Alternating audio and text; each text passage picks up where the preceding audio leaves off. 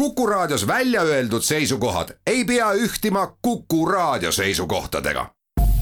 Te kuulate Kuku Raadiot.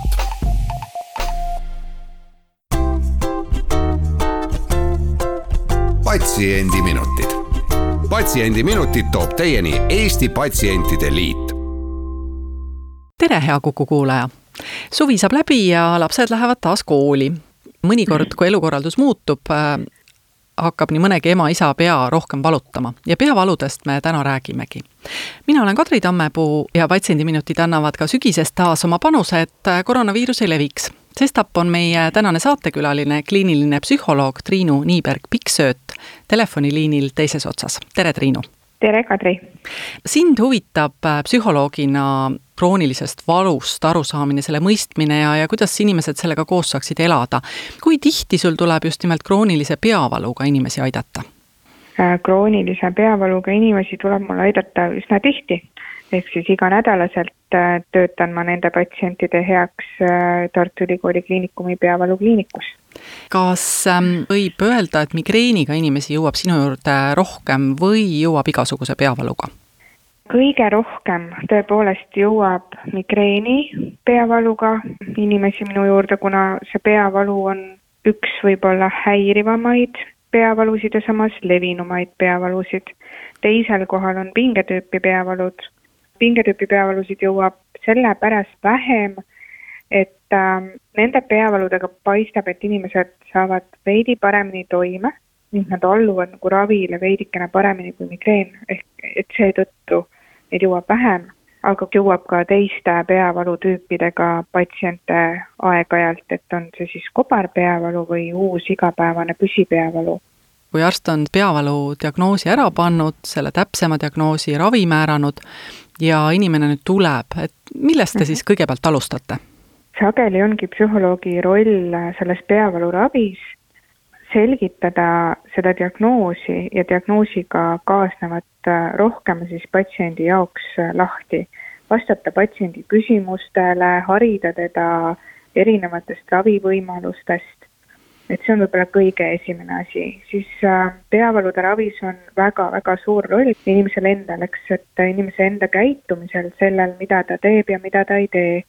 ning teine asi ongi õpetada siis inimest jälgima oma käitumist, mida ta saab muuta, millele peavalu reageerib, mis teeb seda hullemaks, mis teeb seda paremaks. väga palju mõjutegureid on, mida me saame ise äh, inimestena mõjutada ja on ka neid, mida me ei saa kuidagimoodi mõjutada. näiteks nagu ilm, eks ju. no too mõni näide, mida me saame mõjutada. mida me saame mõjutada, kõige enam on, on see meie stressitase et me ei saa stressi välja lülitada, meil ei ole seda nuppu, kus saaks stressi kinni panna, aga me saame õppida stressi oma elus natukene rohkem vähendama. Ja kõik peavalud on väga stressitundlikud kui mõni inimene minu käest küsib, et oi, pea valutab, on teada, et ta ei ole niisugune sage peavalutaja või selline mhm. kroonik mm, -hmm. siis mina küsin alati esimesena, et äh, kuule, kas sa joonud oled -hmm. ma, ma pean silmas, et kas sa vett joonud oled piisavalt, et -hmm. mis need sinu nipid on, mida sa inimeste käest esimesena küsid? et eks ta seesama ongi, noh, meie enda elustiil, mis peavalusid mõjutab, et see ka põhjustab stressi, et ma tahakski just seda välja tuua, et stress ei ole ainult see, mida me peame silmas psühholoogilise stressi all, et justkui ma ei tea, keegi ütleb mulle halvasti või tööl on raske päev, vaid stress on ka see, mida me iseendale põhjustame, kui me ei tarbi piisavat vedelikku, kui me ei söö korralikult, kui me ei maga öösel korralikult või kui me veedame liiga palju aega nutiseadmetes või ekraanide taga. et see on nii-öelda väline või keskkonnast tulenev stress. Et kui sa küsisid seda nippi, siis see nipp ongi see, et, et esimene asi mõelda, et kas ma olen täna joonud piisavalt vedelikku, kas ma olen täna söönud äh,, kuidas ma öösel magasin, kas ma olen liiga palju aega veetnud ekraani taga või ei ole üldse liikunud. et need on esimesed asjad, mida me saame enda heaks teha, et peavalu vähendada. kui on juba ka diagnoositud peavalu näiteks, siis on alati oluline teada, mis ravimeid mul on vaja võtta, et peavalu leevendada ja kas täna on õige hetk seda ravimit võtta või siis mitte. Ja siis lisaks, eks äh, ka selliseid käivitajaid püüda siis äh, vältida, et Just. kui need põhjused on teada. Täpselt, et see põhjuste otsimine on ka sageli see psühholoogi töö, et püüda patsiendiga koos võimalikult palju neid nii-öelda vallandajaid üles leida ja, ja siis me saame neid vallandajaid mitmeid tõepoolest vältida, ennetada ning niimoodi oma peavaluhoogude tekkimise sagedus hoida võimalikult minimaalsena no meil on siin hea rääkida, sest meil kummalgi ilmselt praegu pea ei valuta. ja aga kui inimesel ikkagi pea valutab, kui suur see tema vastuvõtuvõime on? ühest korrast rääkimisest vaevalt et piisab, et nüüd oma käitumismustreid muuta mm,. absoluutselt kui ma nüüd päris, päris ausalt ja otse vastan, siis ma olen oma patsientidele öelnud nõnda, et kui ikkagi pea väga kõvasti valutab ja ja sul on raske mõelda, siis äh, lükkame teraapia aja edasi, sellepärast et äh, kuna see nõuab üsna aktiivset äh, panustamist, siis seda tõepoolest tugeva peavaluga teha võimalik ei ole. ja, ja selline tavaline teraapia kestvus peavalu patsientidel on kuskil viis kuni kümme korda võib alati minna ka kauem, ent see sel-, noh, see sõltub juba siis kaasuvatest haigustest, et kuna ärevushäired ja depressioon on peavaludega väga nii-öelda kaaskäivad, et siis sageli on vaja ka tegeleda tegelikult hoopiski nende probleemidega kui inimene sinu juures käib, kas ähm, sa annad mingit kodutööd ka inimesele teha või piisab sellest, et ta lihtsalt tuleb kohale ja koos teete midagi? muidugi, teraapias käimine ongi nagu koolis käimine sellepärast et teraapia eesmärk on õpetada see inimene, kes peavaluga koos elab, endale terapeudiks ja ise neid tehnikaid ja võtteid rakendama, seetõttu absoluutselt on iga kord mingisugused kodused ülesanded ja järgmine kord ka koduste ülesannete kontroll. No too mõni kodune ülesanne näiteks, kui ma esimest korda sinu juurde mhm. tuleksin. Esimest korda ma annan koduseks ülesandeks alati lugeda peavalude kohta ning sageli annangi kaasa ka vallandajate päeviku pidamise ülesande pea valutama hakkab, siis inimene püüab aru saada, mis ta samal ajal veel tegi ja mis selle võis ja, tekitada. täpselt, et mis võivad need olla. ja sagedased sellised ülesanded on harjutada mingeid lõõgastusharjutusi näiteks või pidadagi oma nii-öelda igapäevastest tegevustest päevikut, et me aru saaksime, mis üldse seda peavalu mõjutada võib. või ka juba siis sellised kognitiivkäitumisteraapiale iseloomulikud erinevad päevikute vormid, erinevad harjutused, mida me siis teraapias oleme läbi proovinud ja mida siis patsient kodus jätkab või teeb mõne teise olukorraga läbi. ma olen kohanud ka tegelikult selliseid inimesi, kellel peavalu ei lähe üle, pea peaaegu kogu aeg valutab mm. -hmm. mida sellisel juhul peaks tegema, kas siis on ka psühholoogist abi? ma arvan, et kindlasti alati on psühholoogist abi mis on siin oluline, on, on see, et peavaluravi ei alga kunagi psühholoogist või, või füsioterapeudist, vaid selleks, et peavaluravist üldse saaksime rääkida, on vajalik kõigepealt õige diagnoos.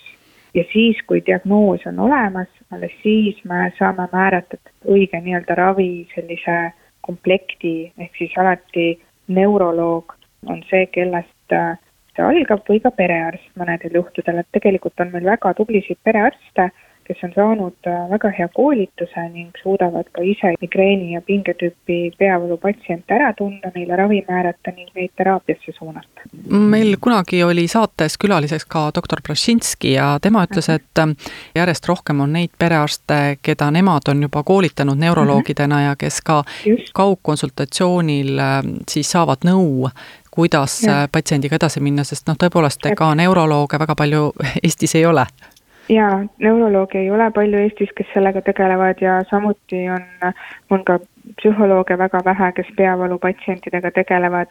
et äh, täpselt äh, need suurepärased võimalused ongi e-konsultatsiooni kaudu saada neuroloogidelt äh, nõu ja abi ja pereõed ehk ka suudavad juba tegelikult päris, päris palju tuge pakkuda. Läheme siit nüüd väikesele pausile, mõne minuti pärast oleme tagasi, nii et jääge kuuldele patsiendiminutid. patsiendiminutid toob teieni Eesti Patsientide Liit. mina olen Kadri Tammepuu, me räägime täna peavalust ja meil on liinil kliiniline psühholoog Triinu Niiberg-Pikksööt no kuna spetsialiste ikkagi ei jagu, ma tean, et sa tegutsed ka Eesti Peavalu Seltsis ja et te korraldate aeg-ajalt ka selliseid peavalu teemalisi üritusi. mis mhm. teil nüüd lähiajal plaanis on? Täpsustan veel, et lausa tegutsen nii Eesti Peavalu Seltsis kui ka Eesti Migreeni ja Peavalu patsientide ühingus. just sellel viimasel Eesti migreeni ja peavalu patsientide ühingu on tulemas nüüd teisel äh, septembril kell viis üritus ja teemaks ongi äh, sellel seminaril seekord, kuidas Covid-19 mõjutab migreenipatsientide elu mida te siis täpsemalt seal räägite või, või kuidas see Covid-19 siis inimeste peavalu mõjutab?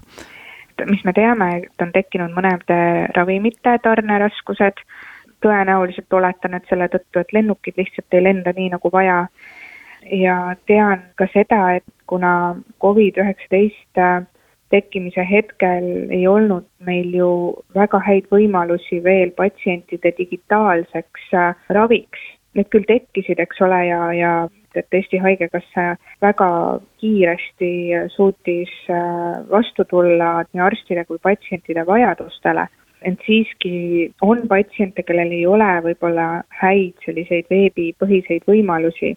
ja samas on teisi, kes on väga tänulikud selle eest, et et nad ei pea sõitma teisest Eesti otsast vastuvõtule, vaid me saame selle vastuvõtu teha ära mõnel veebiplatvormil.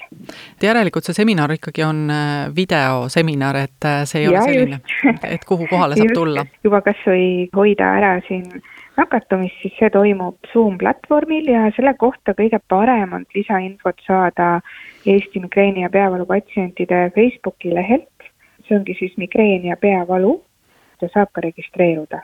kes sellel seminaril siis ähm, nõu annavad? seminaril vastab patsientide küsimustele Tartu Ülikooli Kliinikumi närvikliiniku neuroloog doktor Mark Brašinski ja modereerib seda peavalupatsient doktor Marge Vaikjärv kas te lisaks seminarile, teate septembri alguses plaanite, on ka veel mingisuguseid teisi tegevusi plaanis? jaa, ma loodan, et juba siis järgmise nädala teises pooles sealsamas Facebooki lehel Migreen ja peavalu anname me teada uuringu äh, võimalusest migreentööl. tegemist on siis sellise uuringuga, mis viiakse läbi mitmetes Euroopa riikides korraga. Ja uuringus osalemine on lihtne, et lihtsalt tuleb klikkida sellel lingil, mis me sinna üles paneme ning vastata küsimustele, kõik uuring on eesti keeles ning äh, igale inimesele kenasti kättesaadav. kuidas seal siis osaleda saab, et kas ma Just. pean olema siis ähm, tavaline inimene või ettevõtja või hoopiski arst? Äh, võib olla kõik need kolm, et, et uuringu sees on küsimus, et äh, kas äh, sa oled töötaja, tervishoiuspetsialist või tööandja ja seal on mõned küsimused eraldi ka siis kas tervishoiuspetsialistile või tööandjale. ja kaua vastata saab nendele küsimustele? seitsmenda novembrini on võimalik küsimustele vastata. ja siis juba mm, tulemusi võiks oodata millal umbes? Kuna selle viib läbi Hispaania töömeditsiini spetsialistide assotsiatsioon, siis, siis selle vastuse ma paraku jään võlgu, aga noh, ma kujutan ette, et, et kolme-nelja kuu pärast, kuni see analüüsimine aega võtab. nii et novembri lõpus ilmselt on see aeg enam-vähem teada ka juba? jaa, ma usun küll. väga tore kas sa ise oled ka kaugteel äh, inimesi nõustanud või inimesi aidanud ähm, psühholoogina ja, ja kuidas see välja tuleb? milline nagu see erisus on see, kui inimene istub äh, sinu vastas ja sa näed teda pealaest jalatallani? ega suuri erinevusi ei olegi ja see tuleb äh, välja vägagi samamoodi minu meelest, kui, kui tavapärases ravis on võib-olla mõningaid tehnikaid, kus tuleb olla loov ja loominguline, ent Äh, väga tore on äh, olnud see, et, äh, et patsientidega saab jagada ekraani ja saab kasutada arvutiekraani valge tahvlina, kuhu joonistada, kirjutada, saab saata materjale, neid samu, mida ma muidu välja prindin võib-olla sellele patsiendile. mina ei tundnud, et minu töö kvaliteet oleks kuidagimoodi kannatanud. et see raske koht on võib-olla see, et tõepoolest me näeme ainult inimese nägu ja, ja nagu sa ütlesid ka, et, et äh, inimese nägemine, eks ole, pealaest jalatallani on üks asi, mis jäi äh, videokõnedes natuke keeruliseks, ehk siis tegelikult psühholoog hindab ka kogu aeg noh, läbi selle inimese kehakeele tema seisundit ja olekut. Või, või näiteks neil juhtudel, kus mingil põhjusel tehnilisel või, või patsiendipoolsel video ei töötanud või ei toiminud, et siis, kui meil ikkagi seda visuaali ei ole, siis sellest jääb oluline tükk olemata. nüüd äh, hästi huvitav on siia kõrvale tuua see, et, mida me ka siin erapraksises oleme nagu mõelnud ja kaalunud, et kumb siis on parem, et kas kutsuda patsient kohale ja panna talle ja endale mask ette, kus kaovad ära näoilmed, mille kaudu me samuti loeme väga palju patsienti tegelikult. selle vastuse ma jään võlgu, et kumba pidi on parem, kas maskiga või maskita kas ekraanis või, või, või laivis. aga mida inimesed ütlevad, kuidas äh, nendele sobib see, et ähm, no sa ütlesid, et mõnedele meeldib, et ei pea kohale mm -hmm. tulema, mhm. aga mõnikord võib-olla on ka see ekraan kuidagimoodi takistuseks, et mõnest äh, probleemist rääkida? minu kogemus on olnud äärmiselt positiivne, on olnud patsiente, kes on äh, läinud telefoniga autosse või kõndima samal ajal, kui nad on teinud teraapiat, et et inimesed on väga loovad ja leidlikud ja leidnud selle võimaluse ja on ka olnud tõepoolest neid, kellel on raske leida seda vaikset nurka oma kodus, et individuaalselt rääkida. on ka olnud seda, et peame teraapia toimumise edasi lükkama. ma ei saa küll öelda, et ma oleksin tundnud, et nüüd midagi ei räägita. Ja, ja teine asi, mida ma veel tähele panin, on see, et võib-olla mõnel juhul inimesed isegi räägivad rohkem, kui nad on oma koduses ja oma turvalises keskkonnas kui me mhm. räägime nüüd äh, veel igasugustest abivahenditest, siis ähm, maailmas arendatakse ju ka järjest rohkem näiteks terviseäppe ja, ja mhm. sealhulgas ka, kuidas peavaluga paremini toime tulla, et kas mõni eestikeelne äpp ka saadaval on?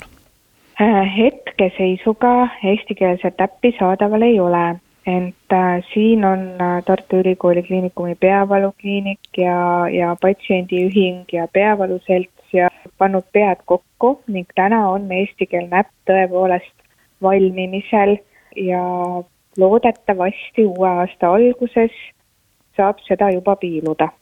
mida siis selle äpiga tulevikus võiks teha saada? äpp, mida me praegu ette valmistame, on siis selline rakendus, kus patsiendi käes on, on mobiiltelefon tema enda mobiiltelefon, kuhu ta saab rakenduse alla laadida ja teises otsas on siis peavalukeskus, kuhu siis info selle patsiendi kohta läheb. ja mida patsient seal teha saab, on siis täita peavalupäevikut, mis on väga oluline osa peavalu ravis. rakenduse kaudu saab patsient õenõustamist, saab füsioterapeudi nõustamist ja harjutuste videosid ning ka psühhoteraapiat videode, erinevate harjutuste, erinevate päevikute ja audiofailidena, siis selline peavalukliinik virtuaalsel kujul. aga arstiga suhtlemine jääb siis ikkagi kuidagi praegu eraldi? arstiga suhtlemine on peavalude ravis äh, võimalik äh, vähemalt esimesel korral siis füüsilisel kohtumisel ja edaspidi loodetavasti meie rakendus areneb nõnda palju, et tekib sinna ka võimalus videosillaks arsti ja patsiendi vahel. aitäh, Triinu, täna rääkimast! aitäh teile ka ja aitäh kõigile kuulajatele! stuudios oli kliiniline psühholoog Triinu Niiberg-Pikksööt ja Kadri Tammepuu. täname kõiki kuulajaid, kuulmiseni taas järgmisel nädalal ja seniks olgem terved! patsiendiminutid patsiendiminutid toob teieni Eesti Patsientide Liit